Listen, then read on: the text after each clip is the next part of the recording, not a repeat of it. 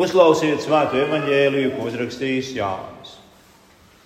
Bija kāds nevesels, Lācars no Betānijas, no ciema, kur dzīvoja Marija un viņas māsa Marta. Marija bija tā, kas kungu bija svaidījusi ar smaržīgām eļļām, un viņa kājas ar saviem matiem žāvējusi. Tās brālis Lācars bija saslims. Tad māsas lika nodot Jēzum ziņu, sacīdamas: Kungs, redzi, tas, ko tu mīli, ir slims. Un Jēzus to dzirdējis, teica: Šī slimība nav uz nāvi, bet dievam par godu, lai dieva dēls ar to tiktu pagodināts. Jēzus mīlēja Martu, tās māsu un lācu. Kad viņš dzirdēja, ka lācis ir sasiedzis, tad viņš vēl divas dienas uzkabējās tajā vietā, kur bija. Pēc tam viņš sacīja mācekļiem: Iesim atkal uz jūdeju.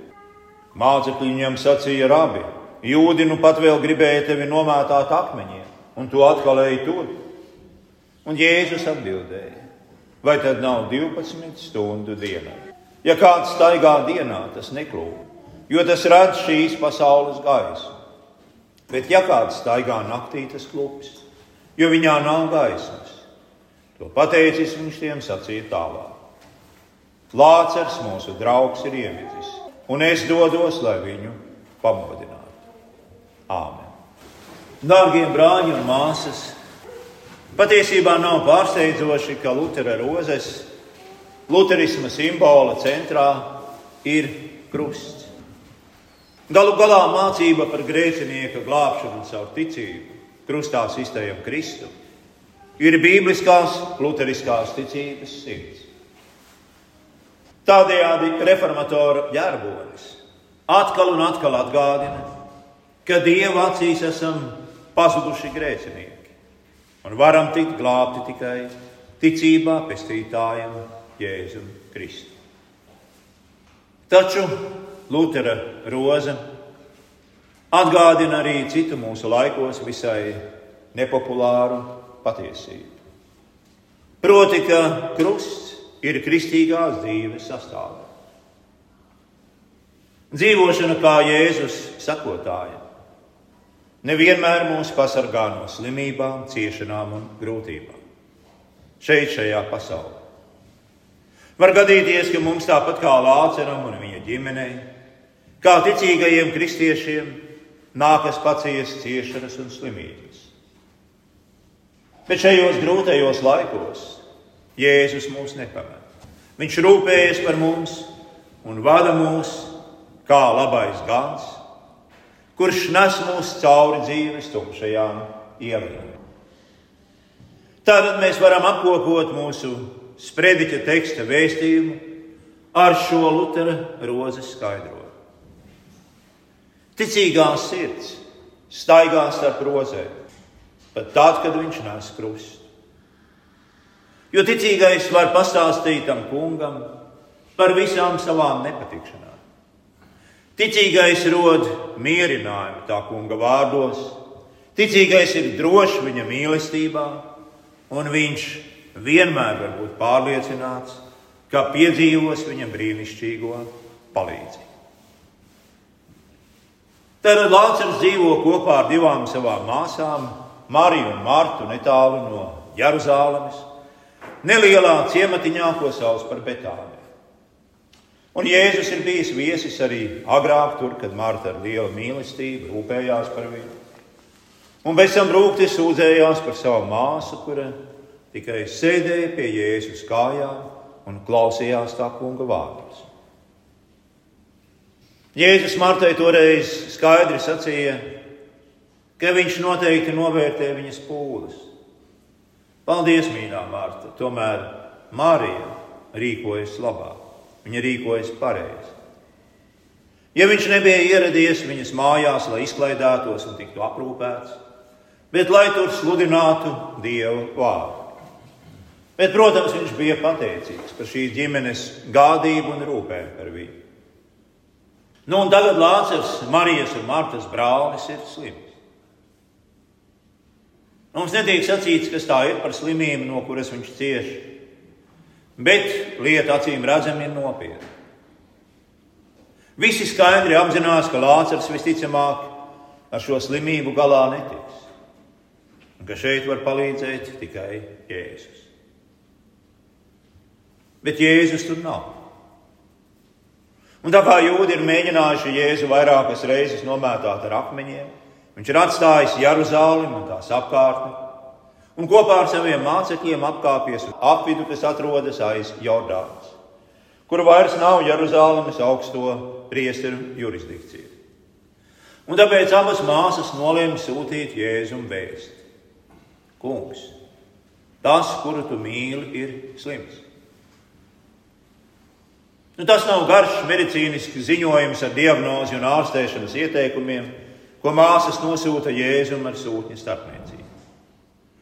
Ziņojumā pat nav skaidri izteikts lūgums pēc dziedināšanas. Ļoti īsi viņa stāsta Jēzum par savu vajadzību. Tas, kuru Jēzus mīl, proti viņu brālis Lācis guļ slims, nopietni slims. Tas ir viss, ko viņa saka. Un tas ir viss, kas viņam arī ir jāsaka. Jo Jēzus to saprot arī bez daudziem papildus vārdiem un detalizētiem skaidrojumiem. Galu galā viņš ir visu zinošais dieva dārsts. Un tāpēc posms skāra Lācaru un viņa ģimeni viņam ir labi zināms. Nu, tieši tāpat kā Marija un Mārta, arī mēs varam sniegt Jēzum ziņas par savām vajadzībām. Un mums pat nav jāsūta sūtnis, lai sasniegtu Jēzu. Pietiek, ja mēs vēršamies tieši pie Jēzus lūgšanā, lai uzticētu viņam savu vajadzību. Augšām cēlies kungs vienmēr ir ar mums pat tad, kad mēs viņu neredzam. Un viņš uzklausa mūsu lūgšanas, ko mēs viņam adresējam. Un tomēr, tomēr dažreiz pārbaudījuma brīžos mēs domājam, nu, ka mums nevajadzētu sūtīt viņam savus lūgumu rakstus. Varbūt mēs domājam, ka nevajadzētu viņu apgrūtināt ar savām problēmām, vai ka nevaram saukt viņu palīgā mūsu grēku dēļ, vai arī ka viņš ir aizņemts ar kādām citām lietām. Bet Jēzus vēlas, lai mēs viņam pastāstītu par savām vajadzībām, un lai mēs droši paļautos uz viņa palīdzību. Visbeidzot, svētie raksti mūs mudina. Metiet uz viņu visas savas raizes, jo viņš rūpējas par jums. Mēs nedrīkstam sevi mocīt ar savām problēmām, grūtībām un nepatikšanām. Bet lūkšanā vienkārši stāstīt Jēzum visu, kas mūs satrauc un uztrauc. Un nav nemaz svarīgi, lai mūsu lūkšanas vienmēr būtu labi noformulētas. Jēzus mūs saprot, saprot pat bez daudziem vārdiem.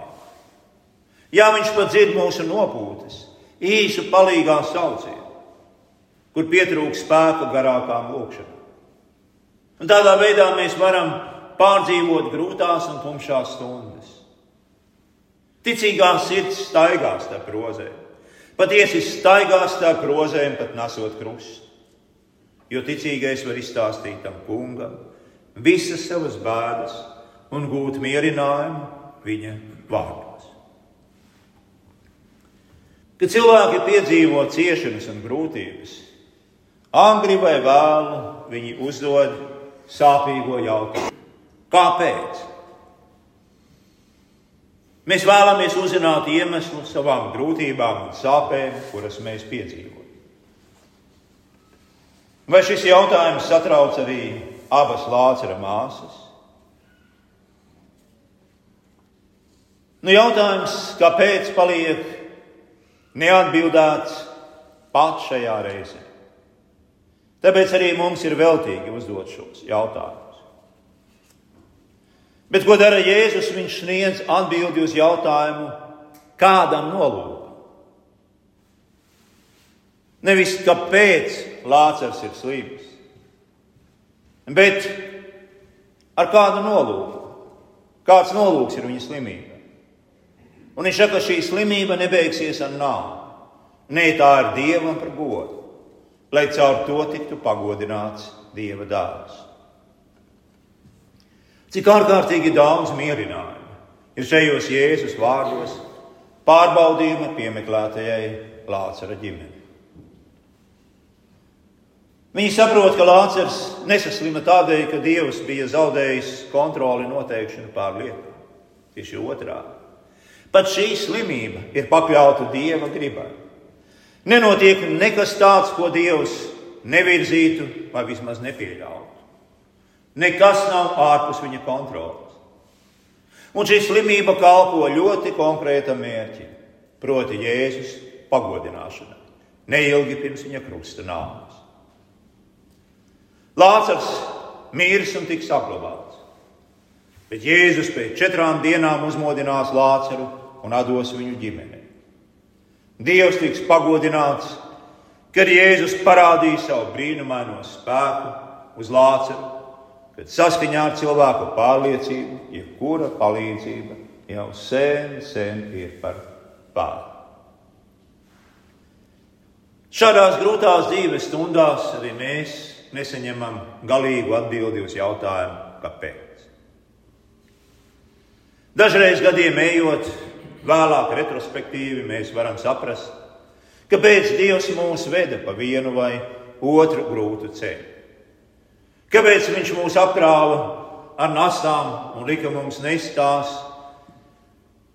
Pat tad, kad mums likās, ka mūsu krusts ir pārāk smags un neiespējams.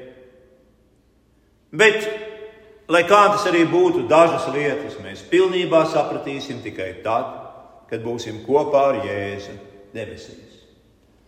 Un tikai tad mēs varēsim sacīt, ah, tad neviens jautājums nepaliks neatbildēts.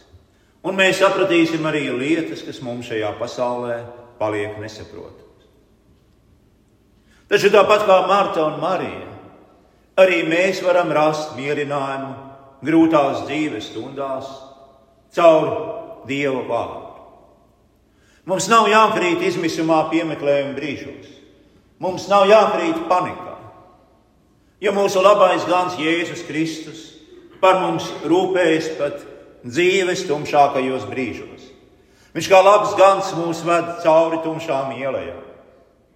Un tas, kā viņš mūs vada, ir labākais ceļš, pat ja tas nevienmēr ir viegli ejams. Jo tas var ietvert ciešanas un grūtības. Ir divas lietas svarīgi, varbūt dzīvē atcerēties. Cilvēki bieži šaubās, vaiminā, diskutē, pārmet viens otram un visādi citādi runā, piemēram, par savu laulāto draugu. Bet mums ir jāatcerās, ka tas, kas mums ir Dieva dots, ir pats labākais. Un otra lieta, ka, lai cik grūts mums nešķistu mūsu dzīves ceļš un aicinājums, tas mums ir pats labākais. Nekad nebeidziet no tā, nepakļaujieties šaubām un domām, bet palieciet pie tā, ko Dievs jums ir devis un dāvinājis. Gan pie sava laulātā drauga, gan pie sava aicinājuma. Jēzus mūs vienmēr pasargās nelaimēs un briesmās. Un viņš dod mums spēku sakot viņam pat pašās grūtākajās dzīves stundās. Tāpēc pat ciešanu un grūtību laikā mēs varam sacīt: Ticīgā sirds mostas rozēs, pat tad, kad viņš nes krustu. Jo tā var izstāstīt savam kungam visas savas bērnas. Tā roda mierinājumu viņa vārdos un ir drošībā viņa mīlestība.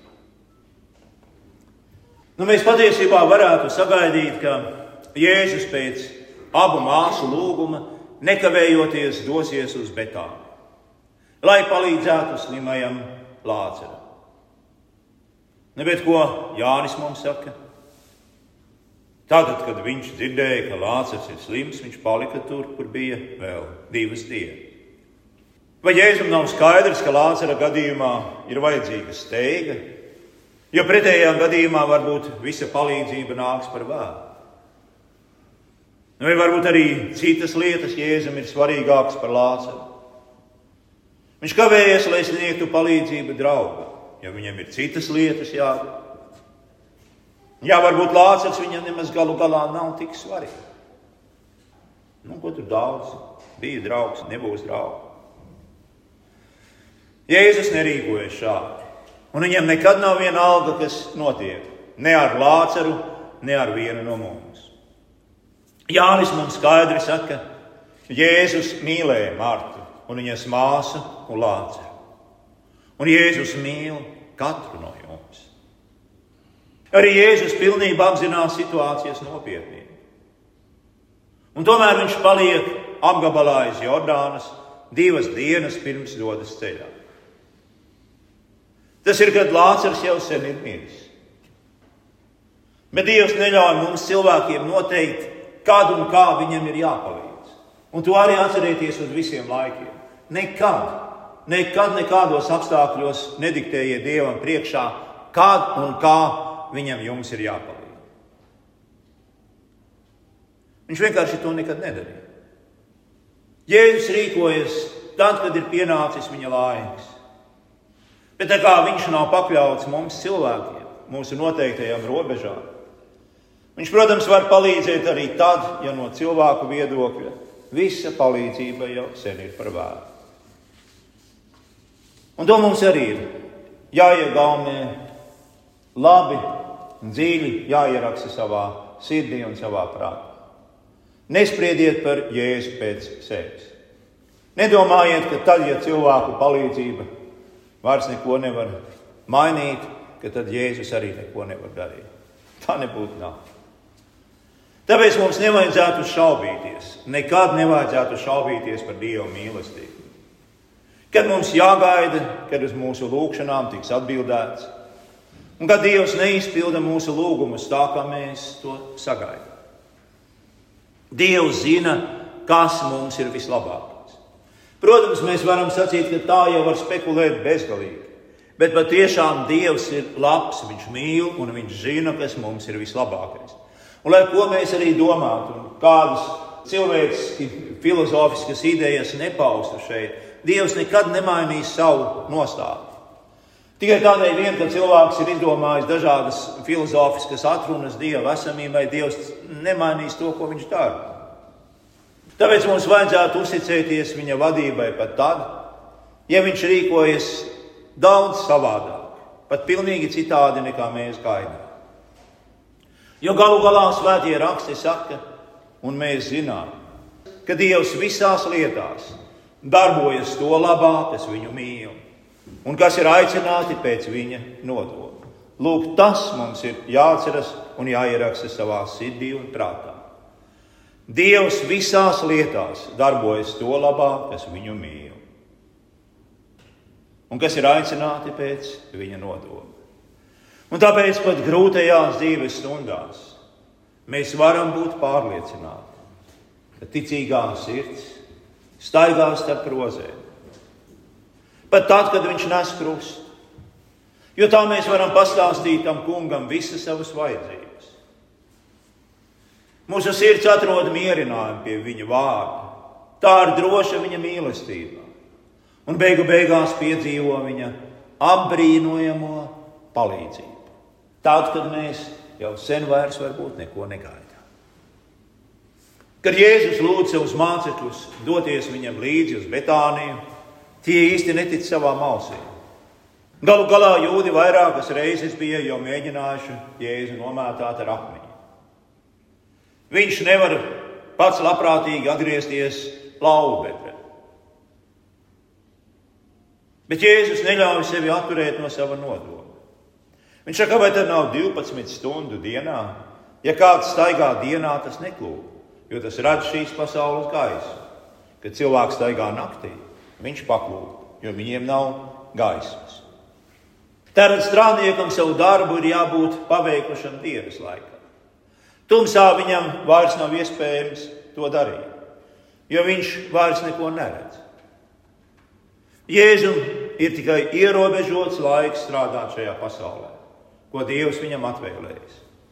Jo viņš drīz mirs pie krusta, izpērkot grēcīgo cilvēku, glābjot mūs no vēlna, ēles un nāves. Un tāpēc viņš tagad dodas uz Betāni, lai palīdzētu Lāceram. Viņš zina, ka Lācars jau ir miris. Bet Jēzus joprojām var palīdzēt arī tad, kad cilvēka palīdzība ir veltīga. Un tāpat kā Jēzus piepildīja savu apsolījumu un uzmodināja Lācaru miesīgi, lai gan viņš jau bija gulējis kapā četras dienas, kad Jēzus ieradās, Jēzus arī mūs fiziski uzmodinās. Ievērojiet, fiziski uzmodinās. Tad, kad viņš atgriezīsies pēdējā dienā. Viņš ir visvarenais Dieva dāvāts, kurš ir šīs pasaules radītājs, kurš nav bezpalīdzīgs nāves priekšā. Viņš ir dzīvības valdnieks. Un caur savu nāvi pie krusta un miesas augšām celšanos, lieldienu rītā, viņš ir iznīcinājis grēka varu pār mums, izcīnījis mums uzvaru, pieveicis vēlnu elli un nāvi. Un tāpēc, kad mēs mirsim, viss nebūs beidzies. Viss patiesībā tikai sāksies. Pēdējā dienā Jēzus uzmodinās visus mirušos. Tad visi, kas šajā dzīvē ticējuši viņam kā savam glābējam, dzīvos mūžīgi Dieva jaunajā pasaulē, bez ciešanām, grūtībām un bēdām. Brīnišķīgu, skaistu, pilnvērtīgu dzīvi. Neraugoties uz to, ka mēs patreiz ar savu prātu un savām maņām nespējam to aptvert un saprast. Bet tas ir tas, ko Dieva vārds mums saka. Taču būs arī kaut kas cits. Būs arī tādi, kas būs mūžīgi pazuduši sava grēka dēļ. Jo viņi noraidīja to, kurš samaksāja arī par viņu grēku pie krusta. Tie atteicās no dieva un izvēlējās eļļu. Lielāku neprātību, protams, nav iespējams iedomāties. Bet, diemžēl, tā tas notiks ar ļoti, ļoti daudziem cilvēkiem. Un ir jau noticis. Tāpēc ticiet Jēzum kā savam glābējam. Un pat ja sakošana viņam neatur jūs no ciešanām un grūtībām šajā pasaulē, pat ja tā uzliek jums papildu nastas, tad atcerieties, ka ik viens, kurš tic Jēzum, var ne tikai zināt, ka pēc viņa nāves viņu sagaida mūžīga dzīvība, bet viņš zina, ka viņam jau tagad blakus ir stiprs palīgs glābējs, kurš viņu nepametīs grūtajā dzīves stundās, kuram pat nāve nav cienīgs pretinieks, kuram pat vēl, kura priekšā pat vēlns drēb. Tāpēc pat šajos grūtajos brīžos mēs varam zināt, ticīgā sirds staigā starp rozēm, un pat tad, kad viņš nes krustu. Jo tā var pateikt kungam visas savas vajadzības. Tā rod mierinājumu viņa vārdos, tā ir droša viņa mīlestībā, un tā piedzīvos viņa apbrīnojamo palīdzību. Reformācijas laikā, kad Lutheram bija smagas debatas sagaidāmas ar niknu un naidīgu ienaidnieku, kas pa visām varēm mēģināja viņu nogāzt no amata un sodīt sārta. Luters diskusijās sev līdzi ņēma rozi. Un tad viņš pašos grūtākajos brīžos, diskusijas laikā, pielika rozi pie sejas, pasmaržoja, pasmaidīja un atbildēja, Vēlns bēg no šīs smaržas. Lai arī cik dziļi simboliski tas bija, te ir ļoti dziļa tāda garīga doma. Protams, tas viss nav fiziski saprotams, bet Luters to uztvēra un domāja simboliski. Tā ir. Vēlns bēg no saldās evaņģēlijas smaržas, no dieva žēlastības, kas ir tikpat brīnišķīga kā vissaldākā rozes marža, tādā pārnestā nozīmē. Dzīvojiet starp rozēm, staigājiet starp rozēm, esiet priecīgi starp rozēm un ziniet, ka mūžībā jūs gaida tāds rožu dārsts, par kuru jūs vēl pat sapņos nesapņojat. Āmen!